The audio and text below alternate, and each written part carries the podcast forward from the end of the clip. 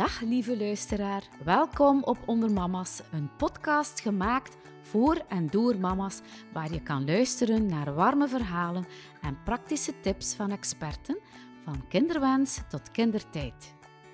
Ik ben Sonja Pijpaard, mama, auteur en jouw host in deze aflevering.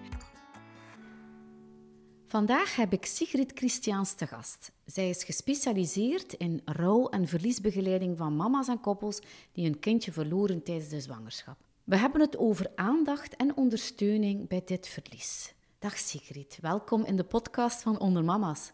Hallo en dankjewel voor de uitnodiging. Ja, stel jezelf even voor, Sigrid.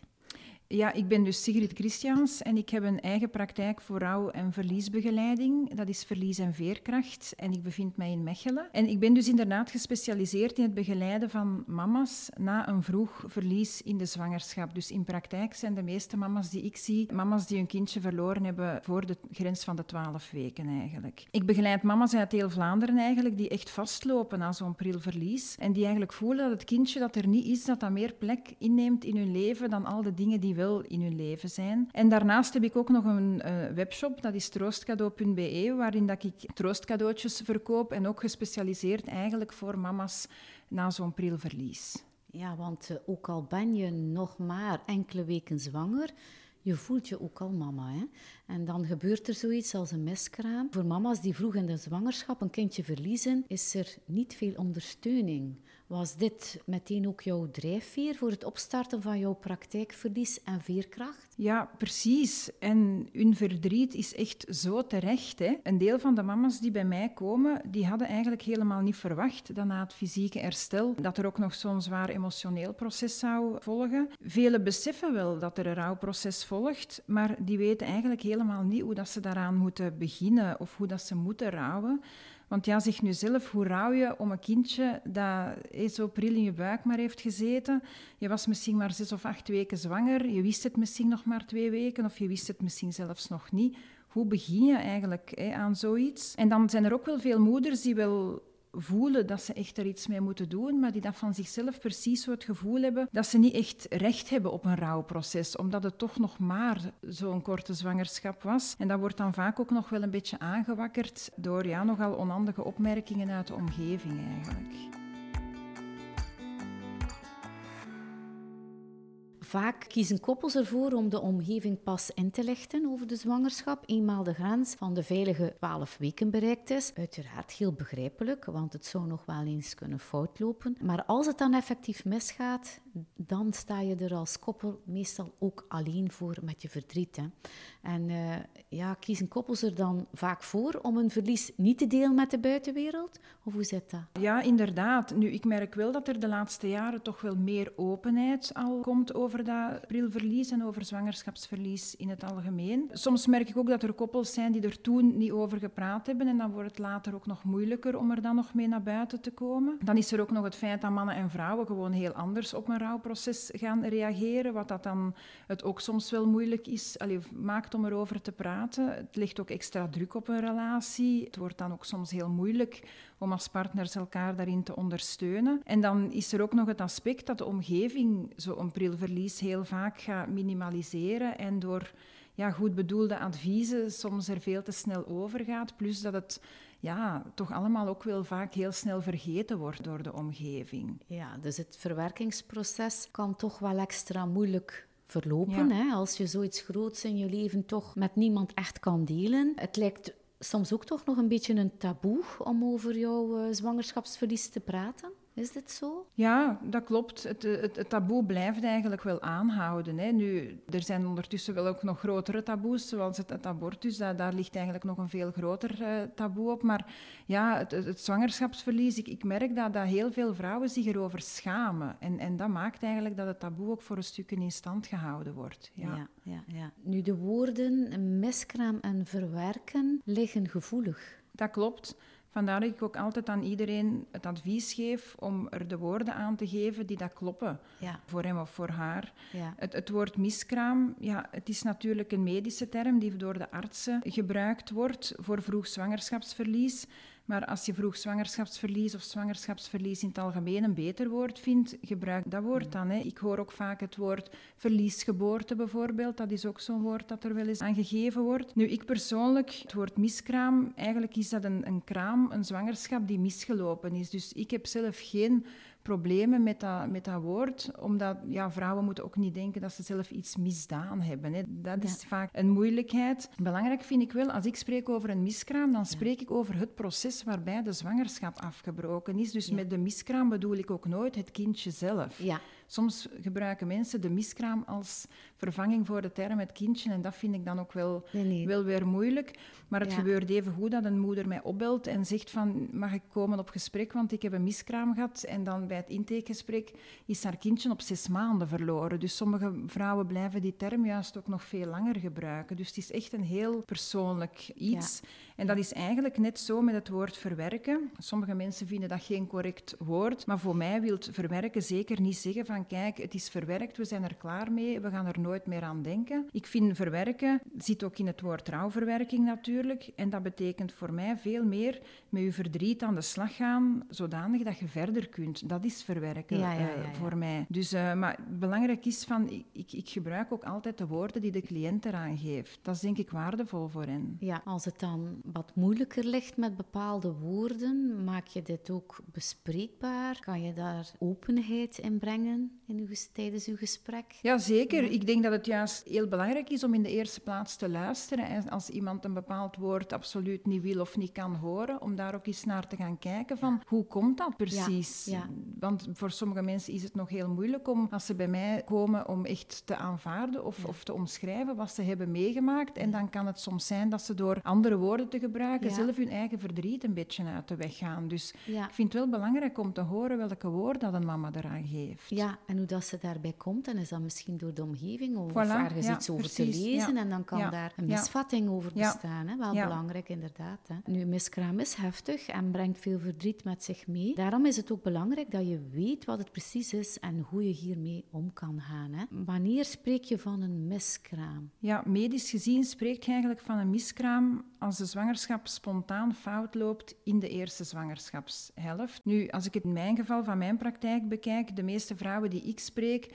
die komen bij mij omdat hun zwangerschap in de eerste twaalf weken is fout gelopen. Dus als ik over miskraam spreek, dan spreek ik echt vooral vaak van het, uh, ja, als de zwangerschap fout loopt in de eerste drie maanden. Dus de eerste trimester, zoals we het ook ja, uh, soms noemen, ja, van de zwangerschap. Hè? Ja. Zijn er verschillende soorten miskramen? Ja, de miskraam is eigenlijk, zoals ik zei, de medische term voor het spontaan beëindigen van een vroege zwangerschap. Het verschil zit hem vooral in de manier hoe dat de vrouw te weten komt dat eigenlijk haar zwangerschap geëindigd is. Dus in sommige gevallen krijgt de vrouw een bloeding, dan is het echt een, lichamelijke symptomen en dan weet ze vaak ook wel al van dit is niet oké. Maar bij heel veel gevallen is de vrouw eigenlijk of het koppel bij de gynaecoloog voor een echo en ja, wordt daar vastgesteld dat het hartje niet klopt of niet meer klopt. Hè. Dus dan spreken we eigenlijk van een missed abortion. Al is dat een term dat de laatste tijd wel iets minder gebruikt wordt, maar dat is eigenlijk wel de juiste term voor een zwangerschap die bij de gynaecoloog, een foutgelopen zwangerschap die daar vastgesteld wordt. Dat is uh, een beetje een medische term, als ik het zo hoor. Ja. En die misschien hier bij ons iets anders oproept,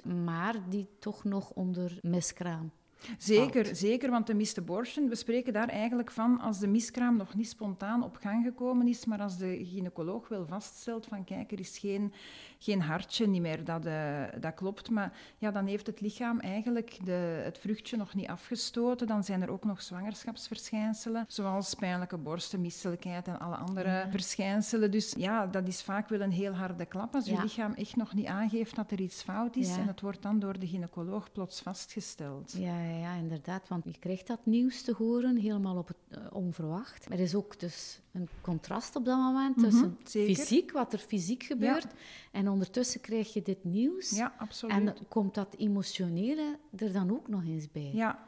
Hè? Terwijl dat je lichaam eigenlijk, zoals je zegt, nog nog niet klaar is. Ja, is nog absoluut. Niet klaar mee. Dat, dat is het. En soms vragen de artsen ook nog om af te wachten. Waarom is dat dan? In eerste instantie gaan ze altijd vragen om na een week of zo terug te komen. Hè. Dus dat is een beetje de standaardprocedure, omdat ze echt moeten vaststellen van het is hier echt wel een miskraam. Dus na een week gaan ze dan kijken van is er een verschil, is er toch iets gegroeid. Dus die week, dat is meer een medische procedure. En nadien is het dan een beetje afhankelijk van de vrouw, van de gynaecoloog, van de situatie, hoe lang dat er dan nog kan afgewacht worden om eigenlijk het lichaam toch de kans te geven om het vruchtje nog spontaan te gaan afstoten. Want Ja. dat is eigenlijk ook de meest natuurlijke manier om een miskraam door te maken. Dat is afwachten tot het lichaam echt het vruchtje gaat loslaten. Want ja, je kan miskraam dan zelf in hang zetten, maar wat als dat niet gebeurt, welke keuze heb je dan? Ja, als de miskraam niet spontaan op gang Ja. komt of als je ervoor kiest om niet af te wachten, Ja.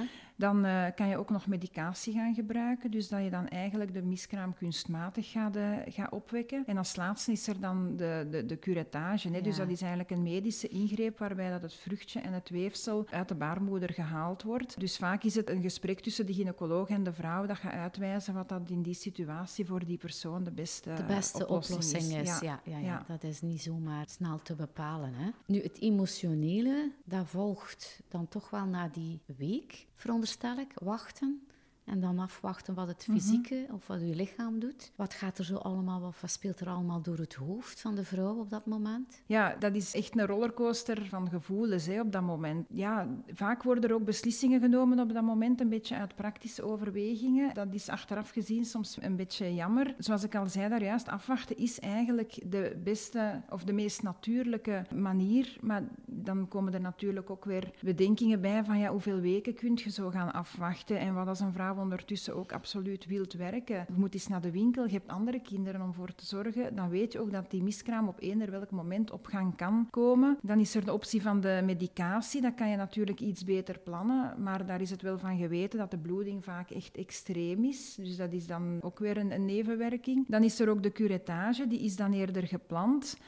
Of echt tot op de minuut nauwkeurig natuurlijk gepland, want dat is echt een ingreep, dat is een kortdurende ingreep, dat is ook fysiek minder heftig. Maar ja, er, er zijn enorm grote verschillen op het emotionele Ja. herstel nadien. En ik vind het soms wel jammer dat die absoluut niet meegenomen worden in de beslissing Ja. die dat de vrouw op dat moment te maken heeft. Want bijvoorbeeld bij die medicatie staan vrouwen er soms te weinig bij stil dat ze echt zelf veel die medicatie moeten gebruiken, wat achteraf dan weer voor een schuldgevoel kan zorgen. Bij de curettage, ja, je gaat als zwangere vrouw in het ziekenhuis binnen en dat is echt een heel kortdurende ingreep. Dus enkele momenten later staat je terug op de stoep en zijt je van zwanger naar niet meer zwanger, zonder dat je lichaam eigenlijk een proces heeft doorgemaakt. Dus dat heeft ook e- echt wel weer een, een heel ander effect op het emotionele herstel nadien. En daar kan jij opnieuw ook begeleiding bij bieden? Dus het is echt wel de persoonlijke keuze van de vrouw, wat dat zij op dat moment gaat willen doen. Uiteraard onder advies van de gynaecoloog en afhankelijk van de situatie ook. Van, kan er afgewacht worden? Is het interessanter om medicatie te gebruiken? Of is toch de curettage de beste oplossing? De keuze ligt bij de vrouw, maar ik denk dat daar de gynaecoloog echt wel de beste persoon is om het juiste advies te geven. Ja. Daarnaast is er ook nog zwangerschapsafbreking door medische redenen, Sigrid. Je zwangerschap was zo gewenst, jouw kindje was zo welkom en mogelijk had je ook al heel lang naar deze zwangerschap verlangd. Maar mogelijk eh, bleek uit prenataal onderzoek dat jouw kindje een ernstige afwijking had of dat het niet levensvatbaar was buiten de baarmoeder. Of misschien vormde de zwangerschap een bedreiging voor jouw leven, waardoor je dan zelf moest besluiten om de zwangerschap te beëindigen. Dit is toch wel mentaal een hele zware beslissing. Ja, dat klopt. Die prenatale screening gaat ook steeds verder. Hè. We staan daar soms te weinig bij, bij stil. Maar ouders komen gewoon veel vaker dan vroeger voor een keuze te staan. Ja, vaak vinden ouders die screening ook normaal, of artsen vinden ook normaal dat er een screening is. Bijvoorbeeld, je bent zoveel weken zwanger, dan is het tijd voor de NIP-test voor die chromosoomafwijkingen vast te stellen. Maar ouders hebben daar natuurlijk een keuze in van kiezen we voor die screening of, of kiezen we er niet voor. Want het is gewoon zo dat hoe meer dat je weet, hoe meer dat je onderzoekt, hoe, hoe groter dat de kans ook is dat je voor een keuze komt te staan. En als je eigen leven in gevaar is, of als het kindje niet levensvatbaar is, of als er heel ernstige afwijkingen zijn, dan is dat een keuze dat misschien heel logisch lijkt en heel snel kan gemaakt worden. Maar er zijn ook heel veel gevallen waar dat echt het verhaal absoluut natuurlijk niet zo zwart-wit is. Het gaat tenslotte ook altijd over kansberekeningen. Dus dat is toch ook wel iets om bij stil te staan, omdat dat toch een, echt een heel zwaar proces is waar de ouders doorgaan dan. Ja, ja. ja, ja, Een uh, goede begeleiding is hierbij cruciaal. Hè? Ja, zeker. En ik merk daar wel ook vaak een heel groot contrast met hoe dat de omgeving reageert tegenover dan hoe dat de mama zich voelt. Want zeker in het geval van zo'n zwangerschapsafbreking om medische redenen gaat iedereen heel rationeel reageren en echt wel zeggen van je hebt echt wel de juiste keuze gemaakt. En het verstand zegt dan ook wel in alle gevallen dat het echt oké is, maar dat gevoel is niet mee. Hè. Er is zoveel gevoel, er is uh, ja, schuldgevoel, er, er is zoveel verdriet. En die mama's die blijven dan heel vaak tegen zichzelf zeggen van dit was echt, echt, echt wel de juiste keuze. Maar we merken dat dat absoluut niet helpt uh, in het verwerkingsproces. Dus dat is dan een stukje ook heel belangrijk in begeleiding om ook dan ruimte te maken voor dat verdriet en dat verdriet echt te mogen toelaten, ook al weet uw verstand dat het de juiste keuze was. Hmm. Help jij dan vrouwen om toch de band met dit kindje op te bouwen, zodat zij zich toch wel voluit ook nog mama kunnen voelen? Ja, dat is eigenlijk exact waar dat mijn begeleiding om draait. Hè. Hoe meer dat je mama kunt voelen van dat kindje en hoe meer dat je kunt zien welke plek dat dat kindje echt mag innemen in je gezin, hoe meer rust, aanvaarding en, en betekenis je echt wel zult vinden. Soms denken mama's van kijk, als ik wat afstand nemen en het uh, kan rationaliseren. Dat gaat mij helpen in het verwerkingsproces. Maar eigenlijk zien we dat juist het tegenovergestelde waar is. Die band is echt superbelangrijk. ja. ja. ja. ja.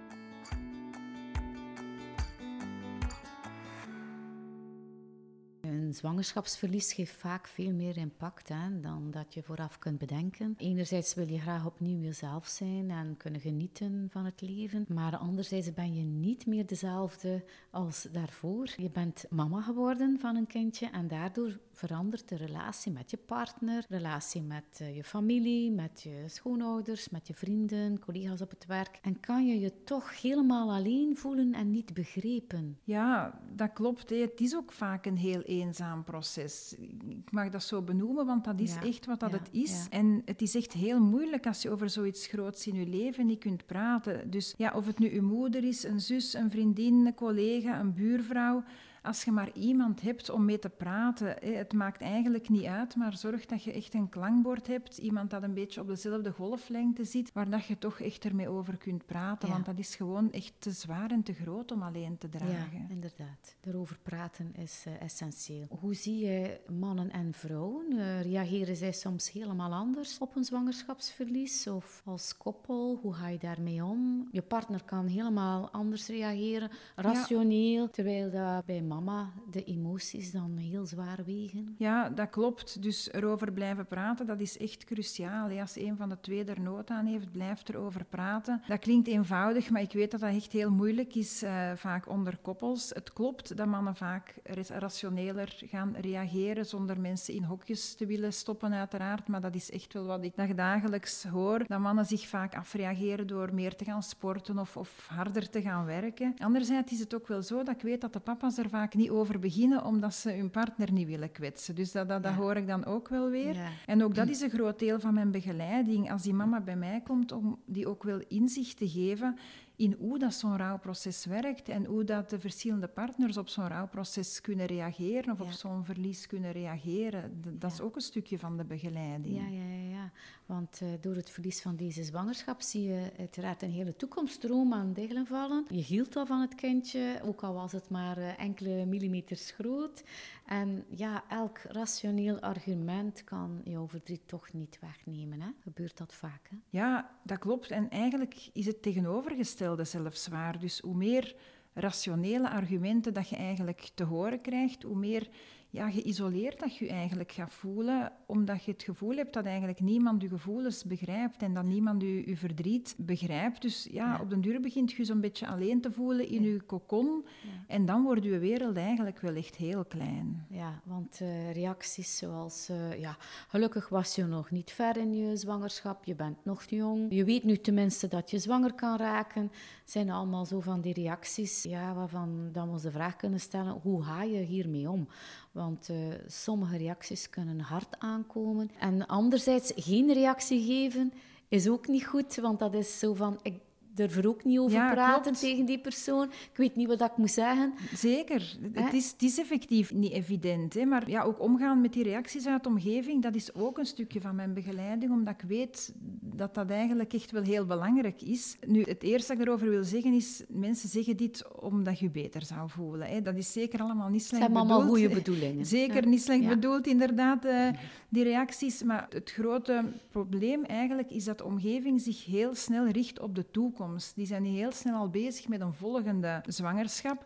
Maar daardoor slagen ze wel een hele belangrijke stap over, namelijk uw verdriet en uw verlies eigenlijk gaan erkennen. Dus de omgeving denkt vaak dat ze u kunnen helpen door heel positief te zijn, maar dat werkt averechts. Zoals ik zei, door te zeggen van je bent nog jong, je gaat nog kinderen kunnen krijgen en je weet nu hoe dat werkt en een volgende zwangerschap zal wel goed lopen, bewijst dat ze eigenlijk al allemaal bezig zijn met de toekomst en niet stilstaan bij wat dat er nu is fout gelopen. Ja, komen uh, deze reacties ook soms van de medische omgeving? Ja, zeker. Voor een gynaecoloog is een miskraam heel normaal. Ik weet dat dat hard klinkt, maar dat is het gewoon. Medisch gezien is een miskraam heel normaal. Dat is de natuur die zijn werk doet. Als we de cijfers erbij nemen, dan weten we dat 1 op 10 zwangerschappen eindigt in een miskraam.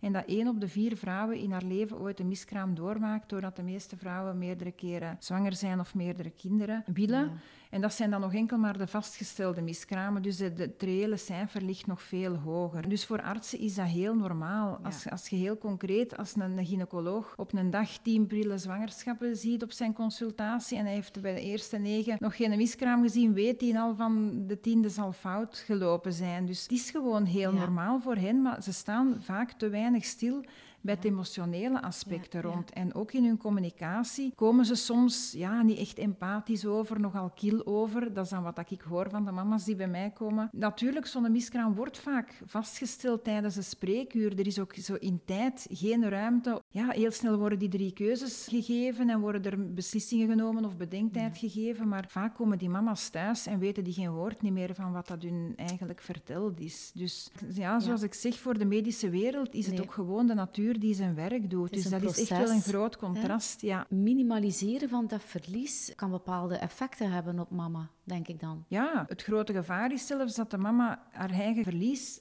op een rationele manier zelf gaat beginnen te minimaliseren. En dat gaat intern enorm vechten met haar gevoel. En dan spreken we eigenlijk van een rouwproces dat volledig tot stilstand komt. Hè. Want ik heb het al regelmatig meegemaakt dat een mama bij mij komt en dat haar eerste gevoel eigenlijk een schuldgevoel is. En dat ze tegen mij zegt van, ja, ik weet dat ik eigenlijk niet zoveel verdriet mag hebben, maar ik heb het toch. Of, of ja, er zijn toch veel ergere dingen. En dan doelen ze meestal op, ja, er zijn ook mensen die een voldragen kind verliezen of, of mensen die een opgroeiend kind verliezen. Maar als ik dan zeg van ja, uw verdriet is volledig terecht, want jij bent ook een kind verloren, dan zie je zo al wel echt een lading van die schouders vallen. Dus erkenning is absoluut heel belangrijk. En door te minimaliseren neemt je eigenlijk elke vorm van erkenning weg. Ja. ja. Kan jij ons advies geven hoe we best reageren in zo'n geval of troost kunnen bieden? Hè? beste advies is denk ik gewoon luisteren, luisteren en luisteren. Hè. Wat dat die mama wil, uh, wilt vertellen. Dus ja, niet gaan minimaliseren, ook geen advies geven, want die mama vraagt eigenlijk heel vaak geen advies. Misschien eens vragen hoe dat je er op de beste mogelijke manier voor haar kunt zijn en er ook nadien nog eens naar vragen, want dat, dat, het wordt allemaal heel snel, uh, heel snel vergeten. En ook niet gaan denken van, ah, ze lacht opnieuw, ze zal het wel vergeten zijn, of, of niet denken van, ik zwijg er maar over, want ik wil haar er niet aan herinneren.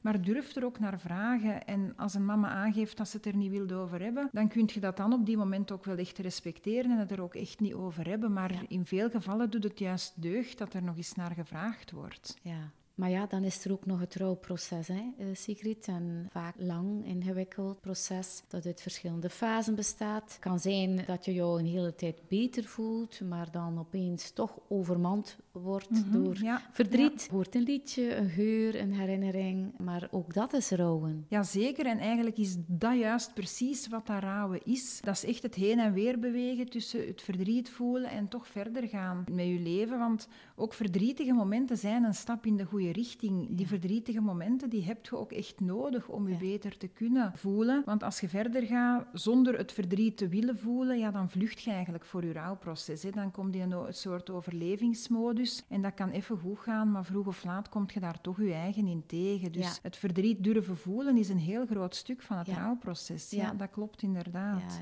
Zijn er verschillende manieren waarop je afscheid kan nemen van je kindje? Ja, ik raad ook ouders altijd aan om als de miskraam thuis op gang komt of spontaan op gang komt of op gang komt na het gebruik van medicatie, om ook altijd op te vangen wat dat er op te vangen is. En dat kan gek klinken, maar bijvoorbeeld om, als de miskraam op gang is, om alleen nog maar door een vergiet te plassen, zodanig dat je ook effectief alles opvangt, dat kan u achteraf wel enorm helpen. En ik weet dat, dat als, als moeders dat horen, dan schrikken ze daar soms van. Maar je wil echt ook niet weten hoeveel mama's dat er huilend in mijn praktijk zitten omdat ze hun kind hebben doorgespoeld. Dus ja, als het plots in het toilet ligt en je spoelt door, dan is het ook echt wel weg. En ik vind het heel belangrijk dat je ook je kindje eens kan zien, of het vruchtje eens kan zien, dat je ook dat stukje kennismaking hebt. Er bestaat bijvoorbeeld de watermethode, waarbij dat je een kindje kan bewaren in een, in een bakje koud water. En vaak weten mama's wel dat dat bestaat voor zwangerschappen die verder gevorderd zijn en fout lopen. Maar je kan ook echt een heel pril kindje, een heel pril vruchtje enkele dagen in water bewaren, zodat je het in eerste instantie kunt bekijken, kennis maken, ontmoeten en dan kun je afscheid nemen. En die twee stappen die zijn ook echt essentieel, want veel mama's die bij mij komen, die zijn al door het miskraamproces gegaan en die hebben dat niet gedaan, die hebben hun vruchtje nog helemaal niet gezien. En als je daar eigenlijk eens echt goed over nadenkt, dat je dan van iets probeert afscheid te nemen dat je niet ontmoet hebt, dat gaat gewoon niet. Dus je kan nooit van iets of iemand afscheid nemen dat je niet eerst ontmoet hebt en waar je geen kennis meegemaakt hebt. En daar lopen vaak heel veel ja, rouwprocessen fout. En dat is dan ook iets waar ik ze bij help, om dan toch wel op gevoelsniveau dan die een hele belangrijke eerste stap te gaan zetten van kennis te maken met je kindje en pas dan kan je er afscheid van gaan nemen. Ja, maar je kan dan ook herinneringen bewaren, zoals eh, een foto nemen of op een andere manier die herinnering vastleggen? Zeker. Vaak is een positieve zwangerschapstest ook de enige tastbare herinneringen dat een mama of een, een koppel heeft. Hè. Dus dat vruchtje opvangen betekent ook dat je er al eens een foto van kunt nemen. En ook al lijkt dat op dat moment ook gek, je kan er ook voor kiezen om naar die foto nooit meer te kijken of er tijdelijk niet naar te kijken. Maar als je op dat moment geen foto maakt, kun je het nadien niet meer doen.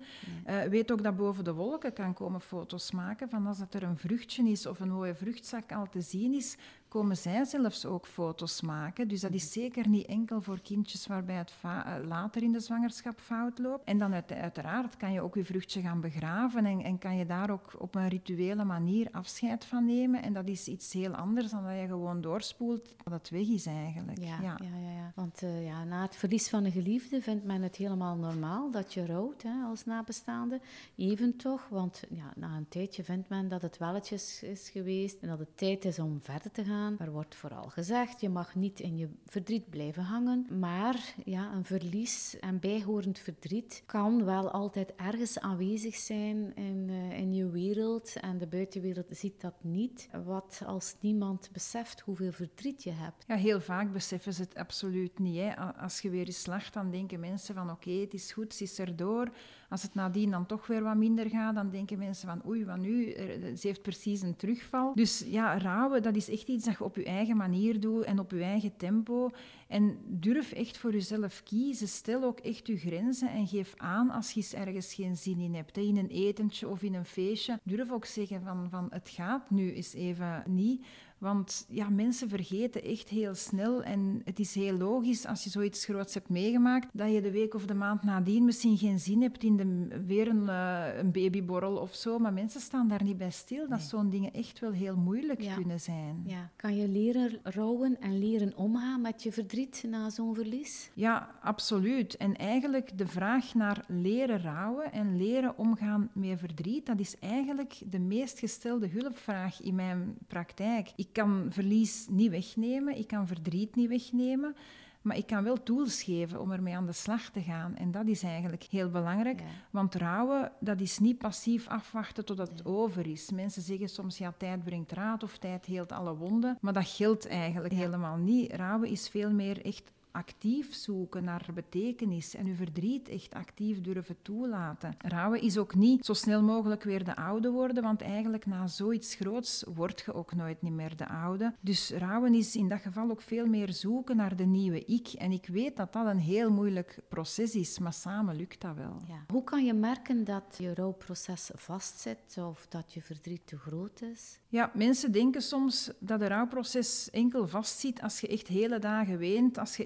dagen in de zetel zit en daar niet meer uitkomt. Maar dat clichébeeld, dat klopt eigenlijk helemaal niet. Uiteraard, in een rouwproces, je bent moe, uh, je kunt je moeilijk concentreren, je leeft een beetje op een automatische piloot, je zit in een konkon. De wereld die lijkt in een waas aan u voorbij te gaan. Maar de mama's die dat ik begeleid, daarbij is het ja, ook vaak een beetje het tegenovergestelde. Dus dat zijn mama's die dat hard werken, die dat een gezin hebben om voor te zorgen, die dat ook actief zijn, een heel actief sociaal leven hebben. Dus wat dat het voor hen dan ook zo moeilijk maakt, is dat voor de buitenwereld alles echt wel oké lijkt, maar zij voelen zich helemaal niet zo. dus ze hebben dan meer binnenin het gevoel dat ze echt nergens niet meer voluit van kunnen genieten, dat ze vastzitten, dat ze eigenlijk in gedachten altijd mee het verlies bezig zijn. Dus ja, een rouwproces dat vastzit, dat kan zich eigenlijk op veel manieren uiten. Ja ja.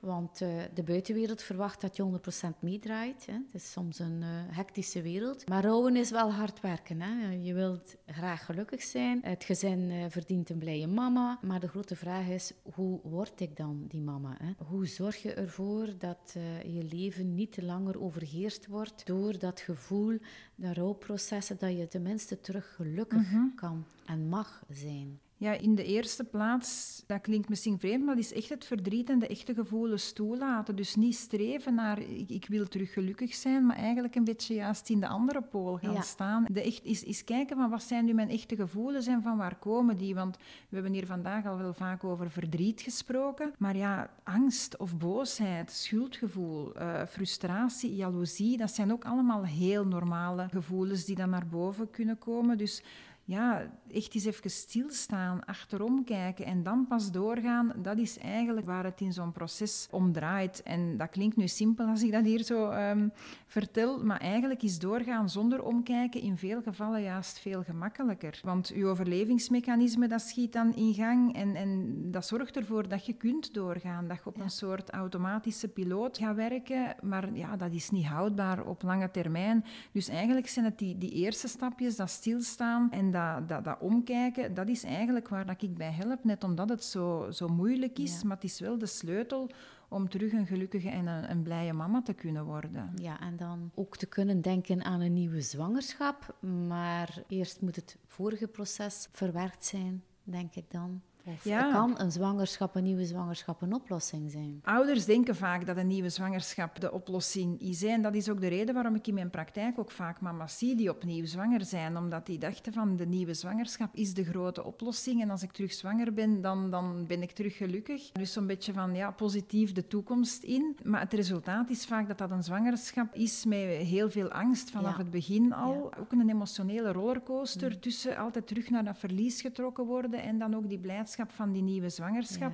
Dus eigenlijk dat stukje rouwen ertussenin is echt nodig om op een mentaal ook gezonde manier terug een nieuwe zwangerschap te kunnen ingaan. Heb je nog advies, eh, Sigrid, over wat helpt bij de verwerking? Zijn er bepaalde symbolen of uh, rituelen die je kan gebruiken? Ja, tijdens mijn begeleiding gebruik ik juist heel veel symboliek, omdat symboliek juist helpt om te zien welke plek dat dat kindje krijgt in een gezin. Zo is er bijvoorbeeld in Japan, daar kennen ze Yizo, dat is zo'n boeddhistische monnik die dat zich ontfermt over uh, te vroeg gestorven kindjes, waar dat eigenlijk een heel mooi verhaal rondhangt. En dat verhaal geeft heel vaak wel, wel houvast. Tijdens mijn begeleiding ga ik eigenlijk met mama's ook altijd zo'n een, een koestersteen maken maken, een koesterkei. Dus dat is een echte steen die dan met wol omhuld wordt. En daar zit een heel mooi verhaal uiteraard achter. Maar de symboliek daarachter is, als je dit vastneemt, dan voel je, van, dat is veel zwaarder dan dat het eruit ziet. Dus daar zit ook wel nog een echte steen in. Dus de symboliek daarachter is van, kijk, uw kindje is er wel, ook al ziet het niet meer. Het is niet meer echt fysiek in uw leven. En ik merk dat zo een trooststeen, dat dat iets is dat achteraf ook vaak echt wel als troostobject kan gebruikt worden. Want ja, iemand die enkel een positieve zwangerschapstest heeft, die heeft eigenlijk voor de rest nog niet zoveel natuurlijk. Hè. Dus ja. die symboliek is eigenlijk in zo'n rouwproces absoluut heel belangrijk. Dan bijvoorbeeld in mijn webshop verkoop ik ook dit koesterboek. Dat zit in een troostbox.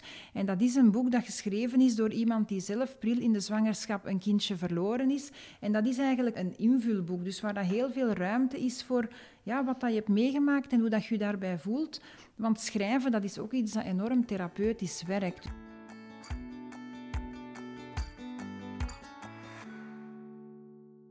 Tot slot, heb jij nog een wens of gouden tip voor mama's en papa's die momenteel zo'n verlies meemaken? Wel, ik geef eigenlijk heel veel informatie in mijn e-book en dat is gratis te downloaden van mijn website www.verliesenveerkracht.be en ik hoor vaak dat, dat, mama's zeggen dat ze daar heel veel gehad hebben aan die concrete tips en, en dat ze ook wel steun en troost daar kunnen uithalen. Dus dat, daarin kan zeker al veel meer informatie uh, gevonden worden en dat kan je dus gratis gaan, gaan downloaden. Maar ja, ik denk dat mijn allergrootste tip of inzicht mag zijn dat er eigenlijk echt ook geen quick fix bestaat voor, uh, om door een rouwproces te gaan. Dus de, de, de gouden tip is eigenlijk van neem tijd, sta stil, kijk terug en, en weet ook dat je het niet al, alleen hoeft te doen. Dat zijn denk ik de belangrijkste, ja. Bedankt voor het gesprek, Sigrid. Ik vond het heel fijn om open met jou te kunnen praten over zo'n delicaat onderwerp. Ik hoop dat we heel wat ouders een hart onder de riem kunnen steken en hen op weg kunnen helpen om hun verdriet een plaatsje te geven. Hartelijk dank. Ja, ook van mijn kant zeker heel uh, erg bedankt voor de uitnodiging en ook bedankt om, om dit moeilijke thema hier ook ruimte te geven. Want ja, ik denk dat vooral de openheid nodig is om het taboe mee te doorbreken. Ja, ja dat kunnen we ook alleen maar doen door erover te praten. Hè. Dus ja, ook heel erg bedankt hiervoor. Graag gedaan. Bedankt om er opnieuw bij te zijn in deze aflevering van de Onder Mama's podcast. Vergeet zeker niet om je te abonneren op onze podcast. Neem een kijkje op ondermamas.be en volg ons op Instagram voor extra warme content van zwangerschapswens tot kindertijd. Tot de volgende keer.